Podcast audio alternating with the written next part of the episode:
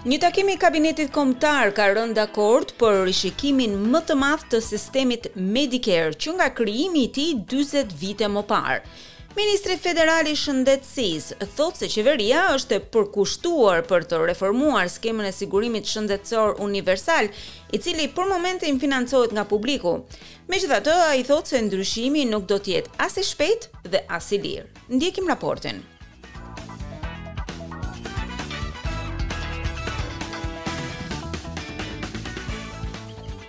E ndërsa premierët e vendit mbërritën në Canberra për një kabinet kombëtar, një çështje ishte në mendjen e të gjithëve.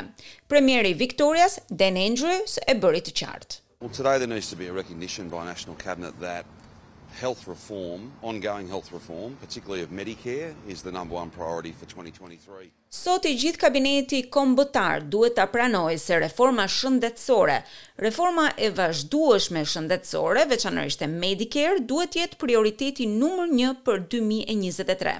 E kur mendojmë për këtë, nuk ka qenë kurrë më e vështirë të gjesh një mjek Dhe kjo natyrisht ka sjellë presion të vërtetë mbi sistemin tonë shëndetësor.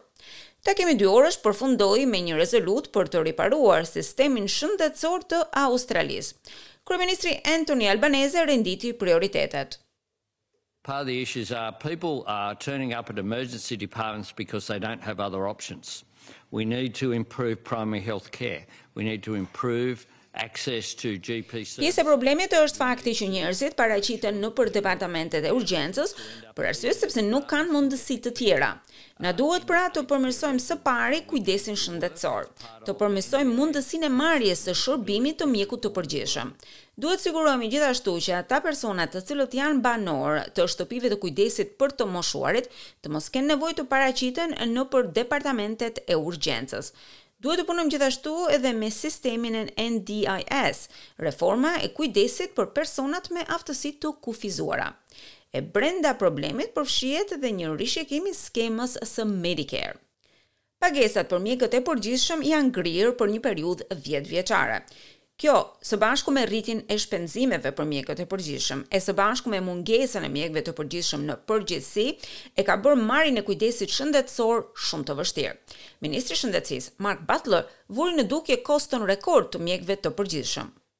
As I've pointed out now on a number of occasions, for the first time in the forty year history of Medicare, the average Siç e kam theksuar tani në disa raste, për herë të parë në historinë dyzet vjeçare të Medicare, tarifa mesatare për një konsultë standard të mjekut të përgjithshëm është shumë më e lartë sesa vetë shpenzimet që japin Medicare.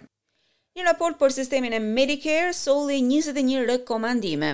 Aty përfshihen thirrje për një model financimi i cili do të mbulonte shpenzimet e infermierëve, farmacistëve dhe mjekëve ndihmës, më shumë fonde në mënyrë që mjekët e përgjithshëm të japin konsulta më të gjata, si dhe kthimin në formë digjitale të të gjitha dosjeve shëndetësore të pacientëve. Zoti Butler paralajmëron se procesi do të jetë i ngadaltë. I want to tell Australians honestly it's not going to be quick and it's not going to be easy and it's not going to be fixed in one budget but this report Dua t'i them australianëve se procesi nuk do të jetë i shpejtë dhe as i lehtë dhe nuk do të rregullohet vetëm me një buxhet vjetor federal. Ky raport paraqet një sfidë shumë të qartë për qeverinë, në mënyrën se si duhet t'i ndryshojmë gjërat brenda praktikës së përgjithshme mjekësore dhe dhënies së kujdesit parësor për të gjithë popullatën. Presidenti i Shoqatës Mjekësore Australiane, Steve Robson, shpreson se buxheti i vitit dy mijë e njëzet e tre do të tregojë disa ndryshime më të shpejta. There is absolutely nothing in the report at the moment that will provide anything immediate and that is what we need. We know that the budget is coming in May. Nuk ka absolutisht asnjë rekomandim në këtë raport i cili do të sillte një ndryshim afatshkurtër dhe për këtë kemi nevojë. E dimë se buxheti do të vijë në maj dhe australianët presin që ky buxhet të ketë prioritet shëndetësinë. Qeveria federale tashmë ka vendosur që shtatëqind e pesëdhjetë milionë dollarë t'i dedikohen Medicare vetëm gjatë tre viteve të ardhshme. Ministri i Shëndetësisë nuk përjashton edhe rritjen e kësaj shume në buxhetin e ardhshëm të majit.